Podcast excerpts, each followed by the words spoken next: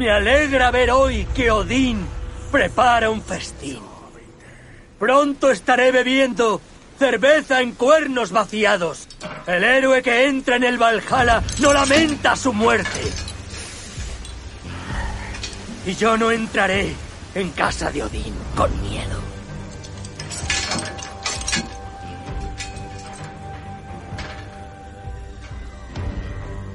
Allí esperaré a que lleguen mis hijos. Y cuando lo hagan, gozaré de sus relatos triunfales.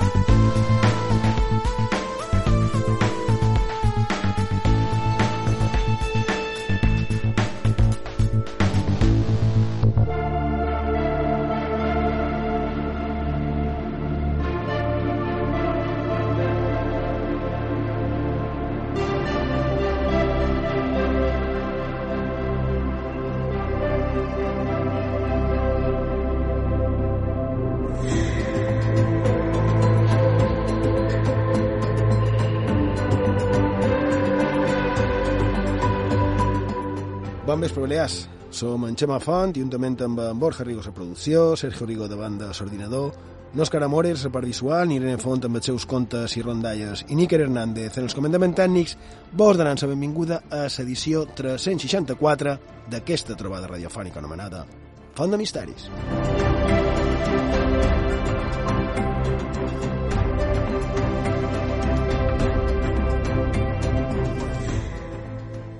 Bon vespre, Borja Rigo. Bon vespre. Sergio Rigo, bon vespre. Bon vespre, Xemam. Bé, jo crec que hauríem d'aclarir que aquesta edició de Font de Misteris està sent enregistrada el dissabte 9 d'octubre de 2021, però com per mort dels esports no hi ha emissió en directe, la gravació serà emesa la nit de diumenge a dilluns, que és el dia d'avui, quan tenim la nostra redifusió del programa, però el programa serà penjat en els sistemes habituals, eh? a la carta d'IV3 Ràdio i també a altres plataformes, i, i aclarit això, jo crec que, si un cas, Sergio, podríem fer sumari.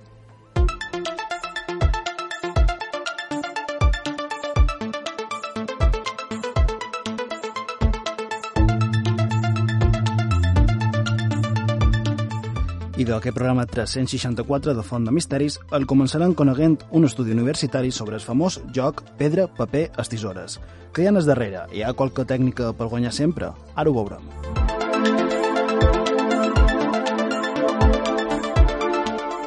Una setmana més escoltarem a Irene Font en la seva secció Contes i Rondalles.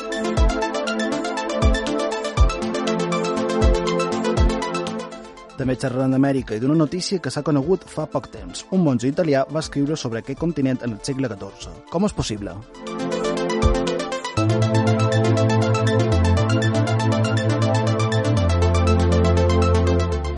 I com cada setmana mos podeu enviar tot allò que vulgueu els nostres mitjans de contacte. Ho podeu fer per WhatsApp i Telegram.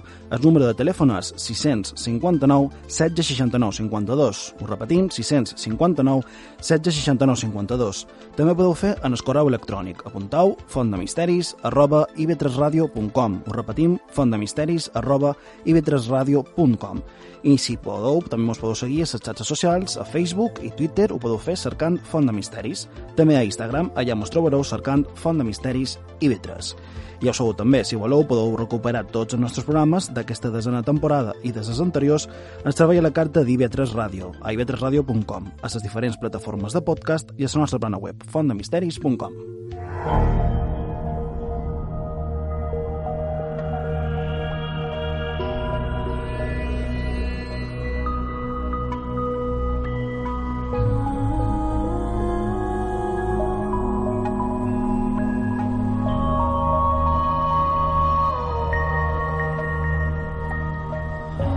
Que ara, ara estava pensant, la propera setmana crec que torna a passar el mateix. Crec que hi ha futbol, és a dir, que aquesta temporada, quan no estiguem fent la missió en directe el dissabte en el nostre horari habitual de 9 a 10 del vespre mos podeu escoltar el la matinada de diumenge a dilluns i, com bé ha dit en Sergio ara fa un moment també, a IB3 a la carta i a les diferents plataformes de, de podcast, com per exemple iVox.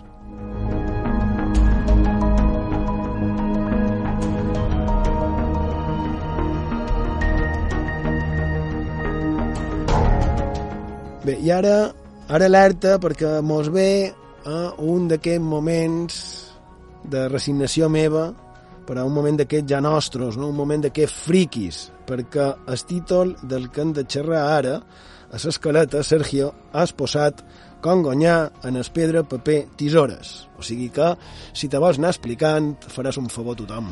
Bé, no és cap novedat ser mai, Borja, que, que aquí som un poc friquis. Per això, aquesta setmana no podíem deixar de passar l'oportunitat de comentar un estudi de la Cornell Universitat, a Itaca, que va ser publicat l'any 2014, però que és important recuperar-lo, ara ho veureu. Ara xerram de com guanyar en el famós joc de pedra, paper o estisora. Supos que tots han jugat qualque vegada aquí, no? Sí. Hombre, tu m'imagino que sí, Borja. El darrer pic fa 15 dies. Sí, jo crec que sí, tots. No sé si encara se fa massa, massa ús d'això, no, veig que sí. Tampoc vull demanar els motius perquè No, no, millor no, millor no, perquè pot ser farés d'això. No, però, però això és com de jugar en, en els xinos. Encara es deu jugar en els xinos?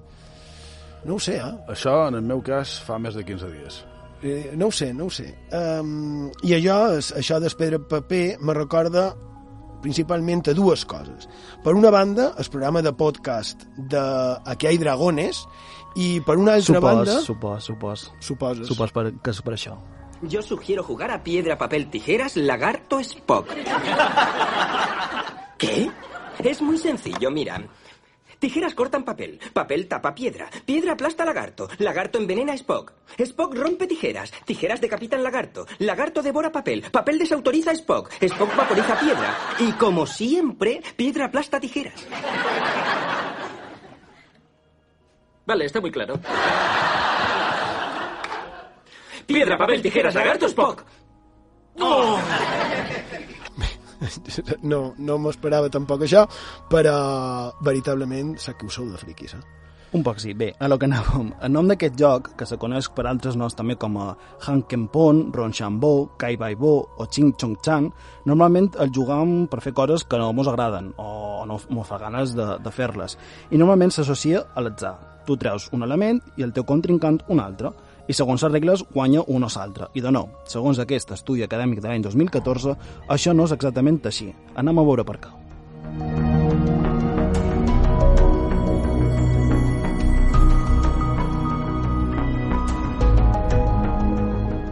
La primera premissa que tenim en el cap és que tenim les mateixes possibilitats de guanyar en qualsevol de les opcions, també es pot perdre o empatar, segons les regles.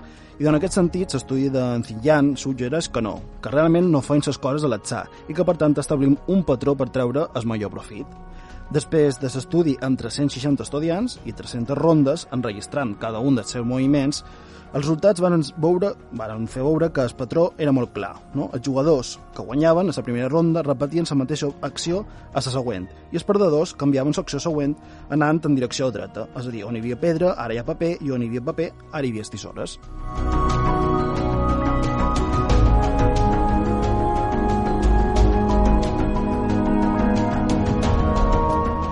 El resum i la principal conclusió és que la posició més poderosa i la tendència és elegir pedra a la primera ronda, però per guanyar els jugadors han d'elegir paper en primer lloc. Com ho veu? Xema, Jorge, com ho veus? Jo ara estic rememorant aquest fa 15 dies que, que vaig jugar en això i, i rememorant també jugades anteriors jo si perd de vegades, no sempre però en moltes ocasions, per exemple mantenc la mateixa jugada. Sí. l'aventura intentant desestabilitzar a l'altre. Jo me sorprèn això de que cada vegada eh, se comenci en, en pedra, això vol dir que ara modificarem l'opció d'atzar per saber per tenir constància d'aquesta informació que ens acabes de donar. L'atzar deixa de formar part. El que has dit de fer sempre el mateix, eh, crec que Juan Gómez Jurado Aquí Dragones sempre va, crec que sense les tisores, però sempre diuen, és que potser aquesta vegada canviarà, no? Per tant, també és l'atzar. I també vos dic que empíricament treure paper no vol dir guanyar. Ni molt manco. No, clar. Ni d'on fora. I, i més altre si, si un, un altre treu directament les tisores. I bé, en aquest cas... Mm, bé, bé sí. però sí, sí que és cert, sí que és cert que amb en Spock i amb el Lagarto que sentíem, supos que ha de canviar. Supos que sí, perquè en aquest cas ho han dit ells, és bastant més complicat, perquè les tisores tallen el paper, ho tenc apuntat, eh, perquè si no, el paper embolica la pedra, la pedra esclafa el, llagar, el llangardaix, el llangardaix enverina el poc, el poc esclafa les tisores, les tisores decapiten el llangardaix, el llangardaix devora el paper, el paper de, de la prova en el poc, el poc desintegra la pedra i, com sempre, la pedra esclafa les tisores. És a dir, que hi ha tres punts que són iguals, però com ho compliquen, podríem fer un estudi a veure si en aquest cas també hauria atzar o no. Però ja, digues... Incorporar factors poc. Sí, sí, d'aquest estudi. llangardatge és poc, efectivament. I jo això me recorda a l'altre, que, que, que crec que ho he dit abans, de, de xinos, de jugar en els xinos, que jugant a xinos és allò de les tres... Tu saps el que jugant a xinos? Me sona, sí, sí, sí. No, sona? no juguen mai. Però no, no si ara te digués explica com se juguen a xinos, no. no ho sabries, no? I que tu sí deus... Tampoc saps el que jugant a xinos. Tu, Borja Rigo, segurament que Jo sí. sí. Val. I de qui ho va popularitzar, qui deia que era un mestre que mai havia perdut en els xinos, era el Luis Sánchez Polac, en tip del famós eh, tipicoi i de, ell, eh, deien que, ell deia que era un espai jugant eh, en els xinos hi ha anècdotes molt gracioses d'ell de, de, jugant en els xinos els xinos que se varen inventar eh, aquí eh, a l'estat espanyol. En canvi el pedra, paper, tisora se va inventar a la Xina que, que és molt curiós els, xinos és mm, tenir tres monedes i eh, has d'endivinar el número total de monedes que tens tu i els altres adversaris fins a quatre poden triar el número de monedes que vols posar a l'atzar aquí el primer que diu té més opcions per guanyar, perquè té més perquè no val dir el mateix número, però l'altre, l'oponent, pot treure qualque conclusió en funció del que ha dit el primer. No? És un poquet això. Curiosos aquests jocs que suposadament són d'atzar, en tip ja deia que xinos d'atzar no tenien res i ara tu has vengut a demostrar que hi ha un estudi que diu que el pedra, paper, tisores tampoc seria per mort de l'atzar. En qualsevol cas, curiós i interessant. on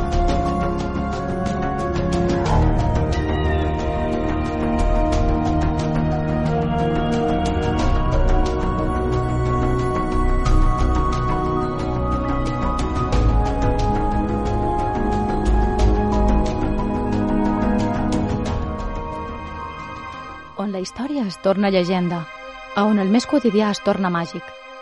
Acompanya'ns a la nostra font de misteris a IB3 Ràdio.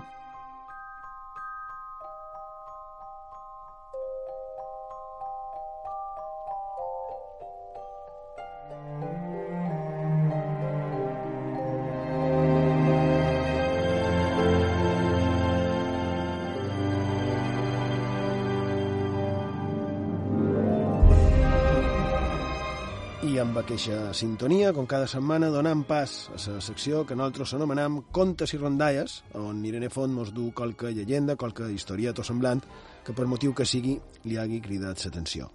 Bon vespre, Irene. Bon vespre, Xema. Benvinguda, que mos dus avui? Bé, aquí estem una setmana més amb la secció Contes i Rondalles i avui ho la que té com a títol En Pep Tanoca.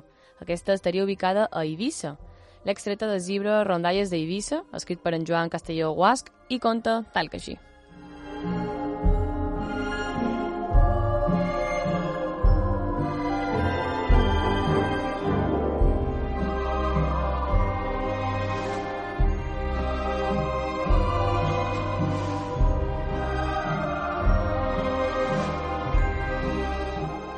Dia, com un altre qualsevol, en en Pep Tanoca, sa mare el va fer aixecar la matinada perquè endugués un cistollet amb formatges a Vila per comprovar si tenia capacitat per vendre'ls.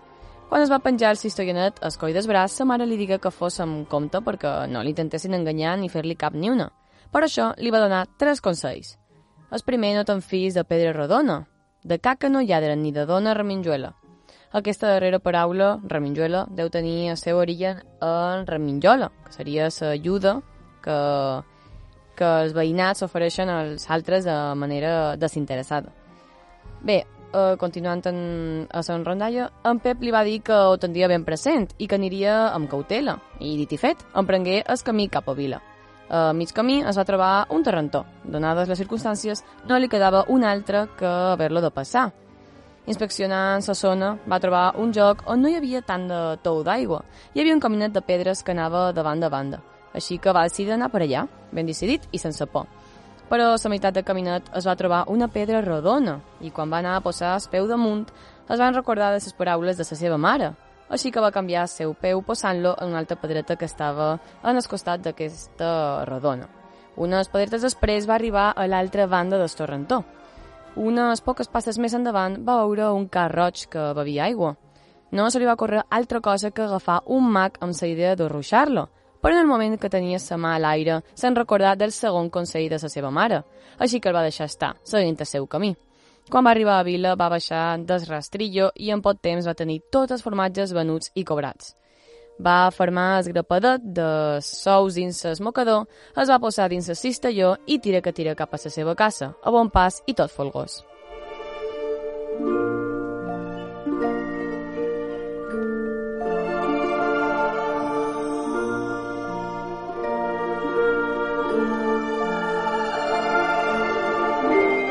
Quan duia un temps caminant per de vora Can Vallet, li va sortir una dona, ja vella, que es va posar al seu costat i tota ella minera va començar a fer-li preguntes del tipus «Com ha anat sabent els formatges? Els has venut tots? I què n'has fet molt de sous?» En Pep li va contestar tot agradable, sense mal pensar, dient-li que havia aconseguit vendre'ls tots i que estava molt content. Aquesta li va dir que li acompanyaria fins al torrent, si no li anava malament, i que li podia dur a Cistelló una estona. En Pep, de cada pic, més insegur, li va dir que no hi havia problema de fer el camí junts, però que el cistelló el duria ell, que no li pensava gens. A la vegada que li estava dient aquestes paraules es van recordar del tercer consell de la seva mare, que no es fiés d'una dona reminjuela. Després de pensar-ho, li va dir que el millor seria fer camí cada un per la seva banda. Aquesta no es va prendre gens bé allò i va insistir en que aniria amb ell i duria a Cistelló.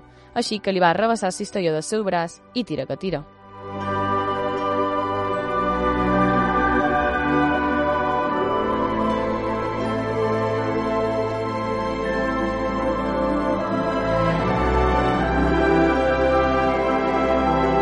Quan varen arribar a vora el torrent, en Pep li va dir que volia la seva senaia de tornada. Aquesta li va contestar que també la duria ella, per evitar que es pogués caure. Però aquesta ho va dir amb mala idea, pensant que mitjans torrents podria ficar-li una sempenta en el nin. En Pep ja tenia més poca companyia, no tan sols aquella maleïda dona, sinó de pensar també amb el fart de llenya que li donaria sa mare si apareixia sense formatges, sous ni cistelló. L'única esperança que li quedava era la pedra rodona que veia allà enmig de la renglera de pedres, gairebé a l'altra banda del torrentó, així que va decidir seguir el seu camí.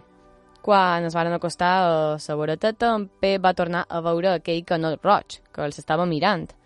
S'afonyar-se la por i el tremolor de les cames va començar a botar d'una pedra a una altra. La dona li anava darrere, esperant l'ocasió per donar-li l'empanteta, per llavors ella tornar darrere i per aquest mateix motiu no es fixava gaire on es posava els peus. Però, a diferència d'ella, en Pep estava ben alerta.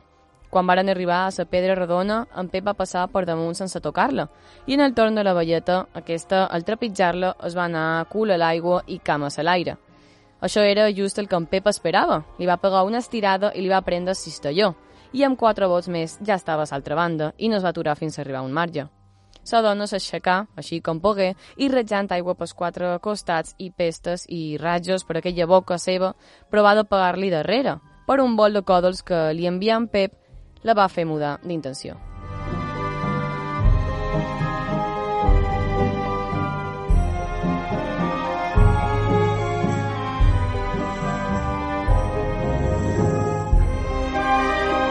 I el millor va ser que quan anava a sortir del torrentó es va, es va trobar amb aquell canot que, tot desbaratat, amb tants de crits i pedrades, estava més nic que una vella groga. Sense més ni manco li pagà que bussó. Me l'embotonà per segonella i ni arrabassar un bocí de més de tres pams. Aquella dona no li va quedar illa per córrer.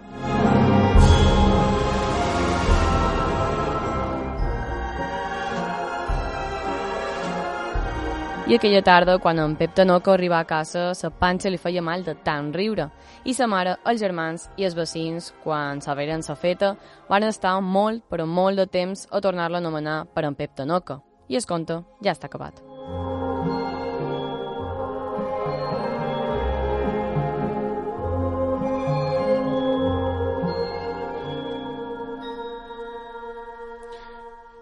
I de, a part de la quantitat de vocabulari tan propi de, de les pitiuses que has mantingut en la teva narració, molt bé, per cert, eh, dir que Tanoca vol dir que el con com tot. No? És, per això és aquest apel·latiu, no? aquest mal nom que li posaven en aquest Pep. I a part d'això que estic davant de la típica historieta no? en la seva part d'aprenentatge, que de pas ja podem dir que no estaria malament que, que els més petits eh, en els boixos, ja que estem en vocabulari vicenc, i de, que si els recordassin no? aquestes historietes senzilles, aquests contes simples, però amb un aprenentatge al, al darrere. I el que em crida l'atenció, el que molts, molts més crida l'atenció podrien dir, és que és molt curiós com poden trobar històries tan dispars, tan diferents, recollides dins els mateixos volums. No? Com poden trobar històries del més esgarrifós a històries de, del més senzill, innocent i amb un trasfond eh, didàctic, no? com seria aquesta. En qualsevol cas, molt interessant, Irene, moltes gràcies. Gràcies a tu, Xema, i fins la setmana que ve.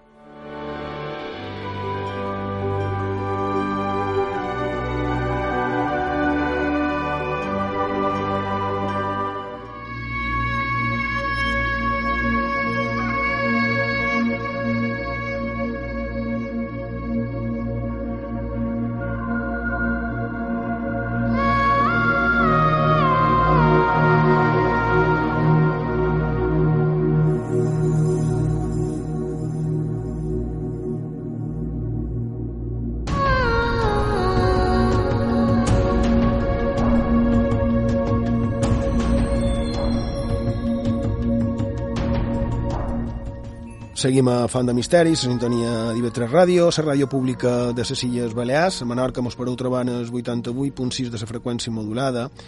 I avui, com a continuació de, del programa de la setmana passada, volíem tractar el tema del mal bocins i també volíem parlar de, de la mà. Però de la mà com estranys casos on no hauria acabat en tragèdia, no? qualque situació on s'hauria d'haver hauria d'haver hagut un, un ofegat, un desaparegut. Però quan un veu, i me'n vaig cap a una altra banda, quan un veu publicacions com, com aquesta que ara diré, fa que variem una miqueta la idea del programa per, per tal d'adaptar-nos tampoc tant, eh? per adaptar-nos una mica al que, al que surt a les publicacions periòdiques, a l'actualitat. I ho dic per aquesta notícia que ens va sorprendre el passat diumenge. El titular, en aquest cas està agafat del diari La Vanguardia, diu Un monje italiano ya escribió sobre América a principios del siglo XIV.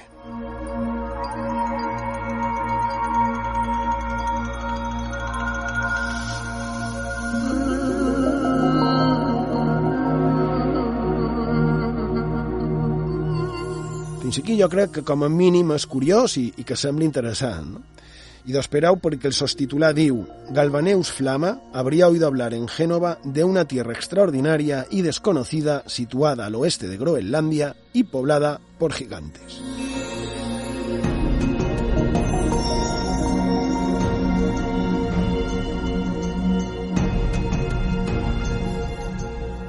I de llogo seria dir que més que com a mínim curiós i interessant, jo diria que com a màxim és curiós i interessant, perquè tal vegada, al manco des del meu, des del nostre punt de vista, no hi ha massa cosa nova darrere d'aquesta notícia de, de la que s'han fet ressò.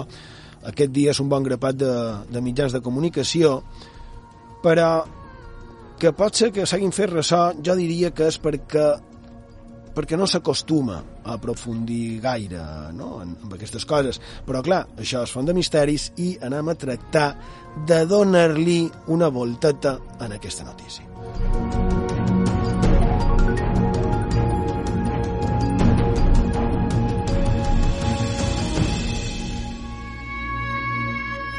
I els que ens seguiu habitualment sabeu que per nosaltres, i aquí coincidim tot tres, no tan sols és que el primer en arribar a Amèrica no va ser, no fou en, en Cristóbal Colón, és que abans d'ell hi anaren més d'un i, a més, hi ha constància d'aquesta realitat, de l'existència de gent que hi va anar a Amèrica des d'Europa abans que en Colón.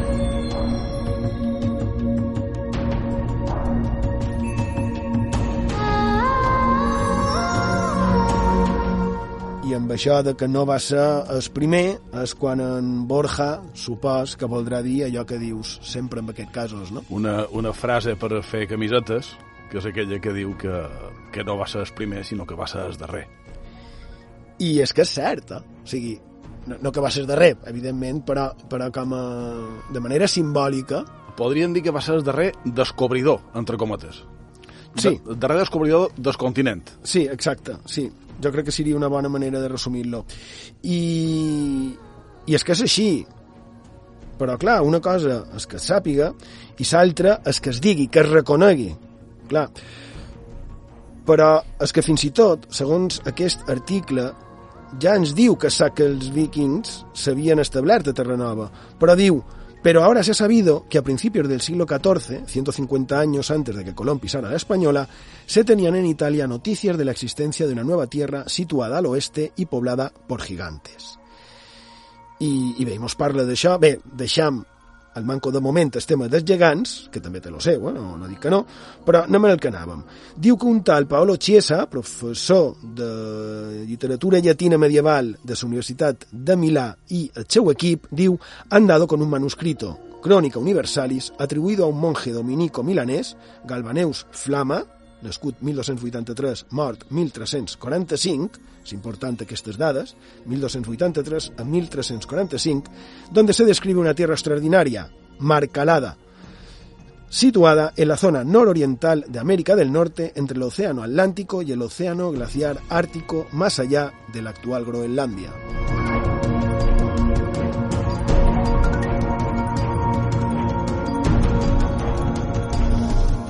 És sorprenent, eh? No, no diran que no. Pot ser que sí, que sigui sorprenent, però el que pot ser no sigui tant és novedós, crec jo. I ara veureu per què.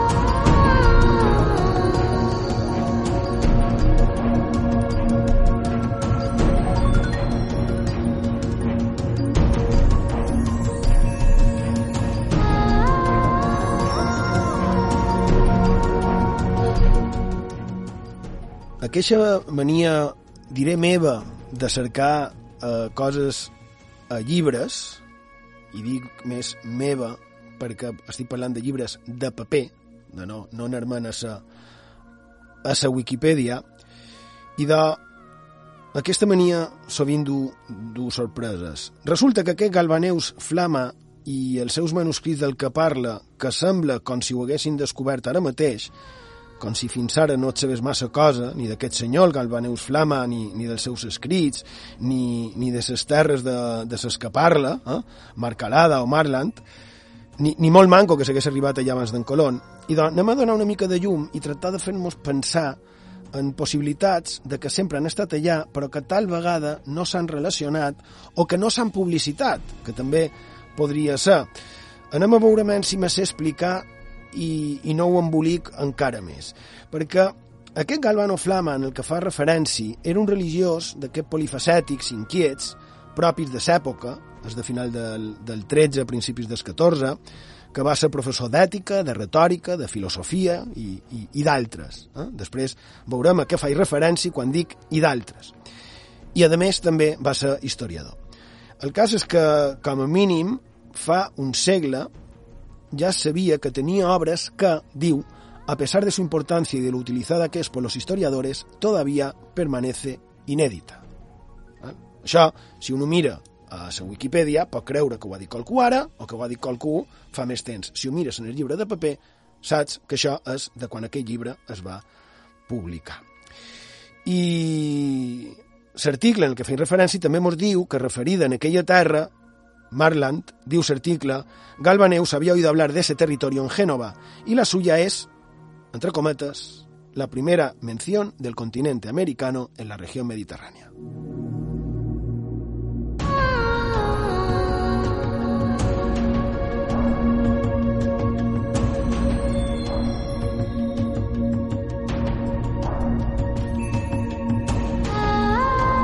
Així doncs tenim que un religiós, escriptor prolífic, estudiós, erudit, filòsof, mestre i també historiador, és el primer que, segons aquest article, hauria fet referència a la Mediterrània d'una terra, que diu Matland, a l'actual continent americà, i que ho sap perquè ho va sentir dir a Gènova. Que fins aquí, perfecte.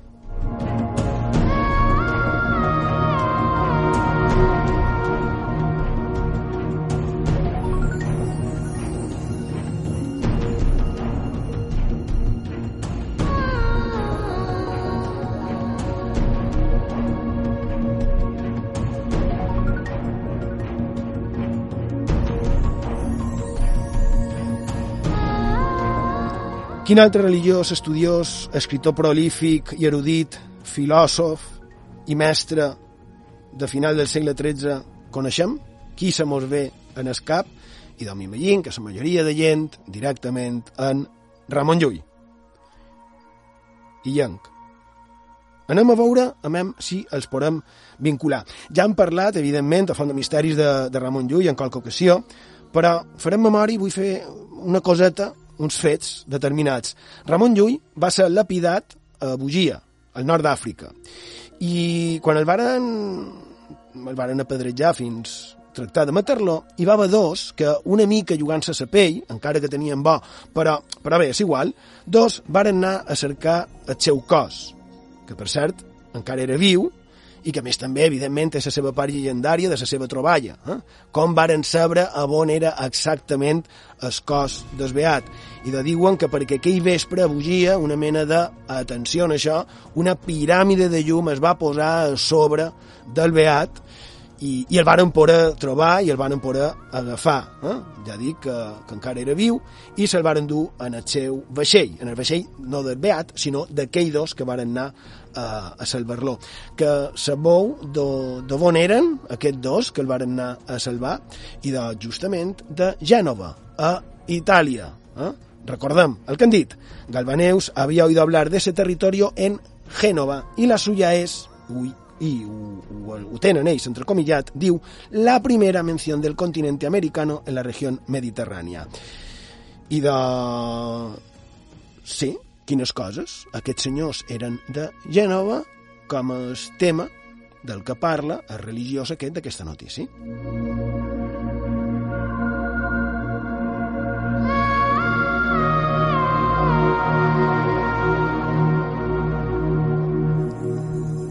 El que, aquells que van rescatar el cos del Beat, d'en Llull, el varen voler dur a Gènova. Però no va ser possible, eh, perquè la mà no ho va permetre seguim en part llegendària perquè la mà va voler que el Beat no anés allà a Gènova, sinó que vingués, que arribés a Mallorca. Eh? I la tempesta el va dur cap a Mallorca, varen arribar a Portopí, a la ciutat de Palma, i d'allà fou traslladat a l'església de Sant Francesc, també a Palma, on suposadament encara hi és. Va, molt bé. I què té que veure en Llull en, en tot això? i de que, com hem dit en qualque ocasió, ell estava segur que, que la Terra era rodona, perquè d'això no hi havia cap dubte. No? Ja han parlat també a, a Font de Misteris i també ho varen comentar en els 5 dies d'IV3 Televisió, crec que ho varen estar contant. Si voleu ampliar aquesta informació la teniu a les nostres xarxes, tant el de Font de Misteris com, a, com el que varen comentar en els 5 dies damunt d'això. El tema és que no hi havia cap dubte de que la Terra era rodona, perquè per començar, 1.500 anys abans d'en Llull, per exemple, ja hi havia estudis que ho demostraven. Però, en el cas d'en Llull, tenim que ell, ell era precisament un gran estudiós de l'esfera i deia que sí o sí havia d'haver una terra més enllà de la mar oceana, eh? de l'Atlàntic. Ell pressuposava directament l'existència del continent americà i ho va fer, aquesta pressuposició, abans que aquest Galvaneus del que estem parlant.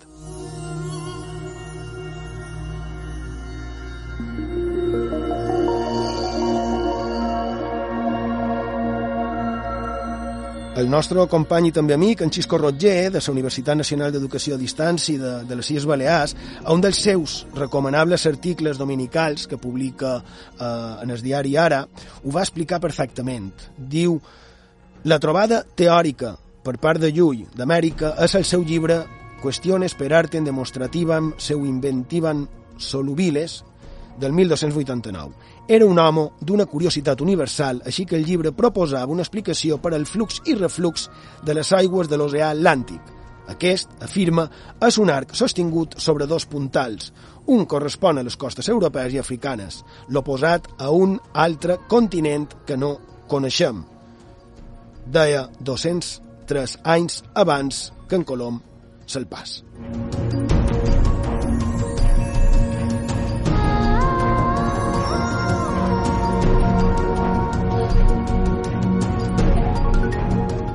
Va dir això 203 anys abans que en Colón se'l pas i quan Galvaneus, aquest senyor del que parlàvem, tenia sis anyets. Eh? Així doncs, tenim que en Llull creia que havia un continent que no coneixien i hem de recordar que el seu darrer viatge, perquè va morir en aquell viatge, 25 anys després, ho fa amb uns genovesos en el que sembla que coneixia precisament perquè en Llull havia estat diverses vegades a Gènova, just on en Galvano Flama deia que havia sentit parlar a qualcú d'aquell continent desconegut, el que ja han dit que segons l'article, a més, li posa un nom, un nom mesomanco com Markland.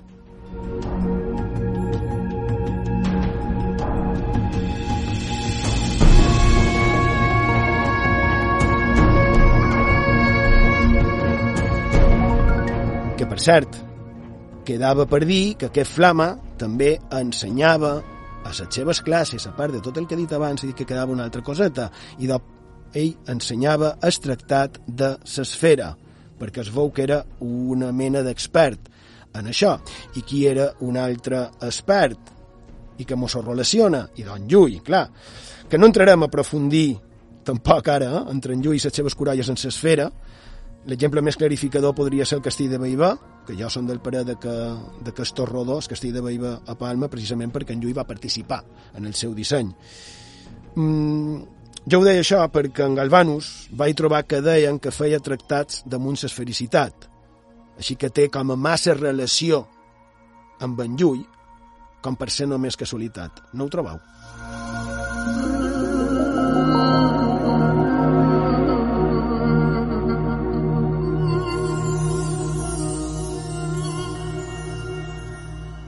Qui sap, no?, si un jove flama va conèixer a un venerable mestre com era en Llull, no?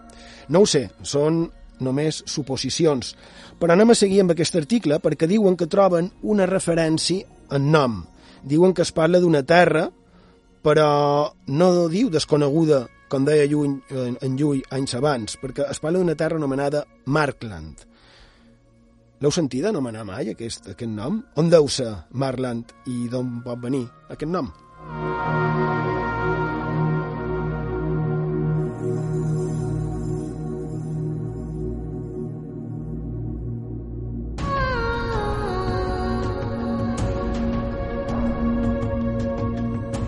y de la publicació a la que fein referència diu Más al oeste hay otra tierra llamada Marcalada donde viven gigantes En esta tierra hay edificios con de piedra tan enormes que nadie podría construir con ellas, excepto enormes gigantes. También hay árboles verdes, animales y una gran cantidad de aves. Sin embargo, ningún marinero pudo saber nada con certeza sobre esta tierra o sobre sus características. Añade documentando por primera vez la existencia de lo que hoy se conoce como América. Que pot ser, no, no ho negaré, que sigui la primera referència que, hagi, que, que Amèrica, sí, però a Gènova, perquè aquesta terra estava narrada amb el seu nom, amb aquest mateix nom, podem dir, estava ja escrita a les sagues nòrdiques des d'abans del naixement d'aquest monjo milanès, des de Mesomanco, la meitat del segle XIII. De fet, a part del tema dels gegants i altres curiositats en si mateix, crec que és interessant qui i com va arribar en aquestes terres a les que fa referència.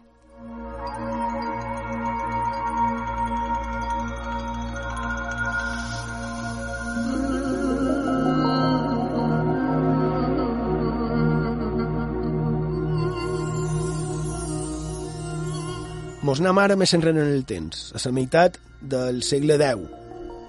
Un noruec, Thorvald Asvaldsson, comet uns delictes de sang i es fa fora de la seva terra, de Noruega, en el nord del continent europeu. Eh?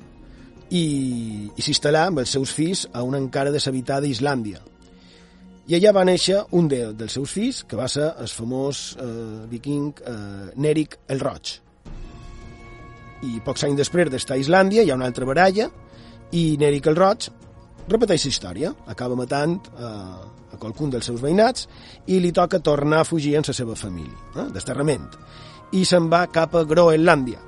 I allà fundar la primera colònia europea, a una illa immensa, inhòspita, desconeguda, i aquí hi ha una, hi ha una anècdota graciosa, o no graciosa, clar, perquè va fundar una colònia. Com s'ho va fer? Per, perquè la gent li acompanyés. Com així va poder fer-ho en aquelles terres gelades i difícils. I de dient que anaven a Groenland, que en noruec i també en islandès, Groen, vol, o Groenland, eh, vol dir terra verda. Eh? Graciós també, Neri Calroig. I fos com fos, va aconseguir que se li acompanyés i ell es fa poderós en aquella colònia i el seu fill, Leif Erikson, Leif és fill de Neric, també segueix l'estel de son pare i amb encara més poder, no? perquè ell fins i tot arriba a ser cavaller del rei, de Olaf I. Estem, històricament, en el moment de l'arribada del cristianisme en aquelles terres. Mm, per entendre'ns, podria ser el principi del final de, dels vikings, i en Leif Erikson comença a divulgar, per ordre de Olaf, el cristianisme fins i tot funda, fundar una església, és a dir, que tal vegada es converteix en una mena de missioner, o tal vegada ho va fer, el que va fer, per seguir, com deia, l'esperit d'aventura i de colonització del seu pare i també del seu padrí. El cas és que quan ell se va assabentar que un pescador s'havia perdut per les costes occidentals de Groenlàndia i, i, i aquest pescador afirmà que havia trobat terra més enllà d'en Groenlàndia, ell decideix anar a investigar i ho va fer en 35 acompanyants que cap allà partiren.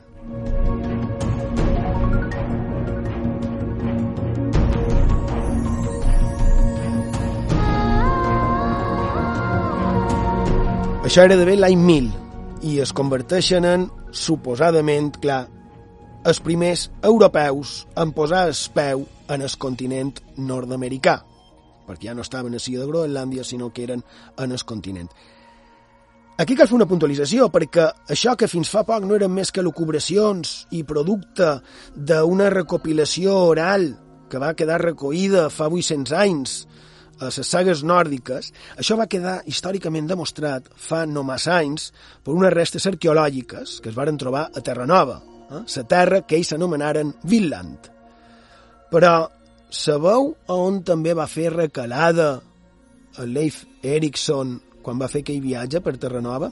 I dos segons les sagues, escrites en el segle XIII, varen recalar a Helluland, que vol dir la terra de les pedres planes, i a la que ells era la terra dels boscos, és a dir, Markland.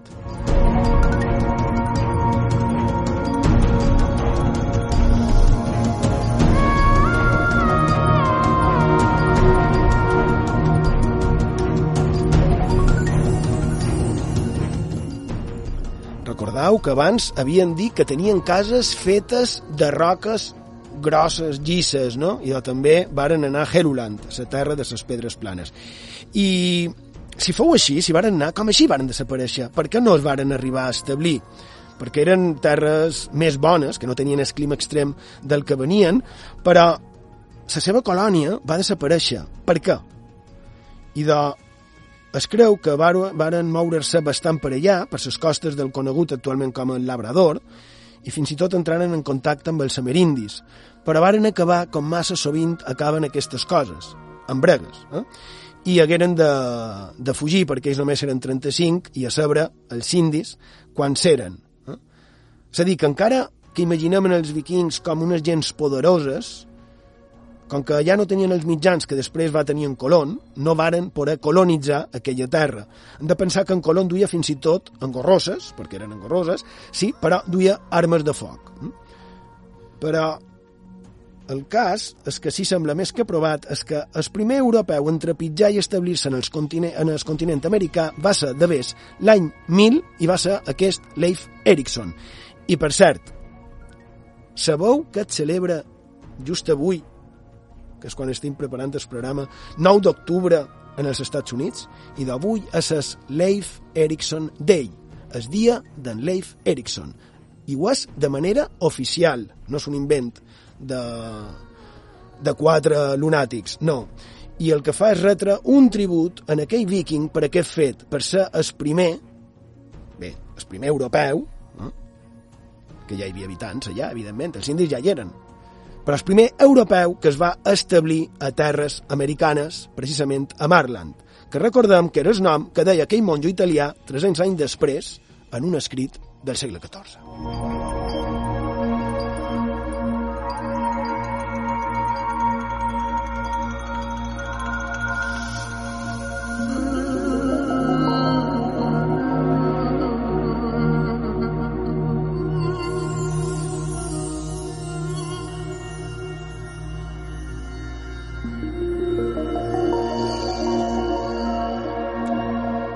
Així tenim que, efectivament, l'any 1000 es va arribar a Amèrica per part d'un cavaller del rei Olaf de Noruega i unes dècades després, precisament, un altre rei de Noruega, en Sigurd I, Sigurd es peregrí, acaba a les nostres illes, a les illes actuals Illes Balears, lluitant contra els serraïns.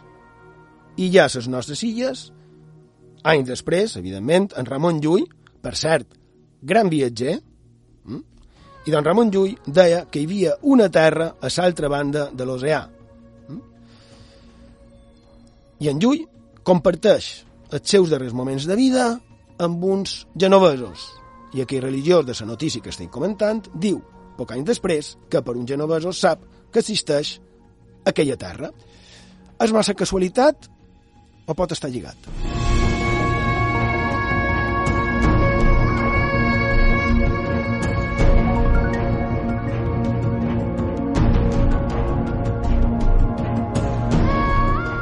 Per cert, ja per anar acabant, vos en recordeu que he dit que hi havia dos genovesos que van anar a ajudar rescatant en Llull quan va ser lapidat a Bugia?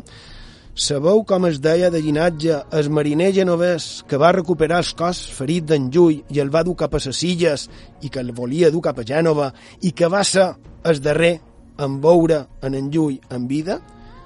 I de segons ve les cròniques, per això deia lo de els llibres vells, segons ve les cròniques, es deia que el seu nom era Esteve Colón.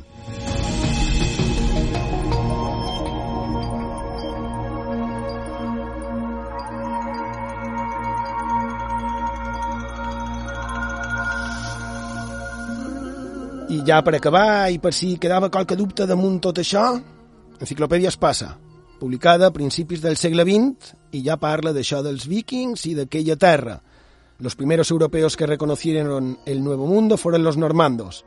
Erico el Rojo llegó desde Islandia hasta Groenlandia, fundando en su costa occidental una colonia que constó más tarde de dos ciudades, 16 iglesias, dos conventos y 100 aldeas, y estuvo al mando de su propio obispo. El año 1000, Leif, hijo de Erico, fue el primer europeo que entró en América y fundó Heruland, Markland y Vinland. Después, los hermanos de Leif y otros emprendieron viajes de exploración por el Vinland y aún intentaron fundar establecimientos, como lo atestiguan no solo los hallazgos de piedras rúnicas en la costa oriental de la América del Norte, en Dayton, en Massachusetts, en Harmouth, en Nueva Escocia y en la bahía de Biffin, sino también las relaciones islandesas, Això són les sagues, les sagues nòrdiques, no? que jo deia abans, que a més són interessantíssimes. I, i hem de recordar que aquest llibre va ser publicat fa més de 100 anys i les proves arqueològiques com a tal que constaten la presència dels vikings en terres nord-americanes és de pels anys 60 del segle XX. Després mos diu que el 1368, és a dir, tres segles després, els normans de Groenlàndia anaven a Marland per aconseguir fusta. Encara faltaven 100 anys perquè arribassin colona. I ja acaba el que jo volia ressenyar. Diu que les malalties, la fam i el clima varen acabar amb aquests normans i que, més, hubo desde un principio sangrientas luchas con los indios o Skralinger, de manera que la colonización no pudo tener jamás fijeza ni extensión. Con esto, el descubrimiento de los normandos, atención, no reviste otra importancia que la de un antecedente histórico.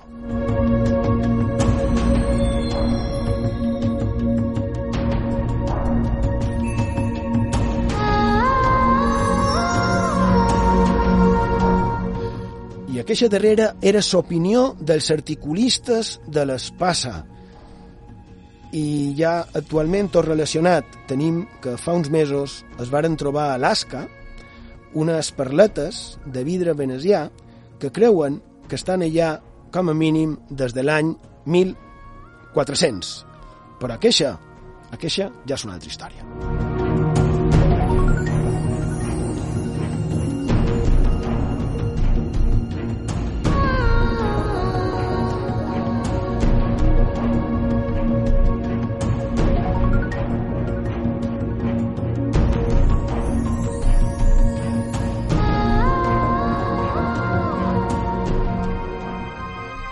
On la història es torna llegenda, a on el més quotidià es torna màgic. Acompanya'ns a la nostra Font de Misteris a IB3 Ràdio. Misteris i llegendes a Font de Misteris, amb Xema Font.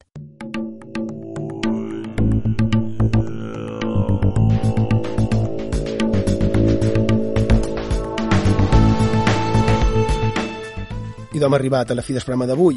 Esperem que hagueu passat una estona agradable i que hagueu pogut treure qualque cosa de profit d'aquesta font de misteris. I crec que fa dues setmanes vàrem comentar en aquestes utopies de gairebé la mitjanit a IB3 Ràdio el tema del negacionisme a les xarxes. Des d'aquí diu que, que la neu de la gran nevada en el centre de la península de gener d'enguany de 2021, que aquella neu era, o és, bé, era perquè es va fondre i es va evaporar, es va evaporar i va deixar de ser, però, però deien que era de plàstic, no? O els negacionistes que diuen que, que no ha hagut cap virus, o que el volcà de la Palma està provocat, o que la Terra és plana, és a dir, negacionistes de, de tot i de quina manera.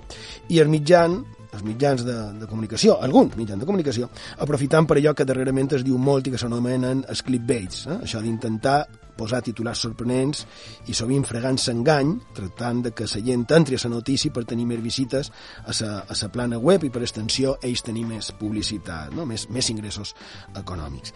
I eh, també a les xarxes tenim tots aquells que l'únic que tracten també, que estan vinculats, és de fer mal, de, semblar, de, de sembrar discòrdia, anar a punyir on creuen per a fer mal, a ofendre, desprestigiar i sovint darrere un nom fals, darrere l'anonimat que et dona la xarxa. I no ho sé, però no seria és una de les meves reflexions, eh? però no seria convenient evitar això de l'anonimat a les xarxes. No estic parlant d'internet com a tal, eh? estic parlant de les xarxes on hi ha persones reals, però també n'hi ha d'altres que funcionen sota anonimat. Facebook, Instagram, Twitter, bé, també d'altres, no? Perquè si és concebida, on pots opinar, saludar, interactuar, etc. Per què se pot anar d'amagat? És com si entrassis a una festa darrere d'una disfressa i, i comences a ficar-te en tothom i després partir com si no res. No? no ho sé, és una reflexió que me deu pensar que així tal vegada hauria manco crispació i que a més així els covards, darrere de Nix, que és com es diuen els pseudònims a internet, i d'aquests no es sentirien tan a ple. I tal vegada hi hauria, en general, una miqueta més de, de respecte. No ho sé. Bé, ja sabeu, això són les utopies de gairebé la mitjanit de IB3 Ràdio. I d'escoltam a Golpes Bajos i Fiesta de los Maniquís. Allí, Pau, bona nit. Gràcies per la vostra companyia i fins la setmana que ve.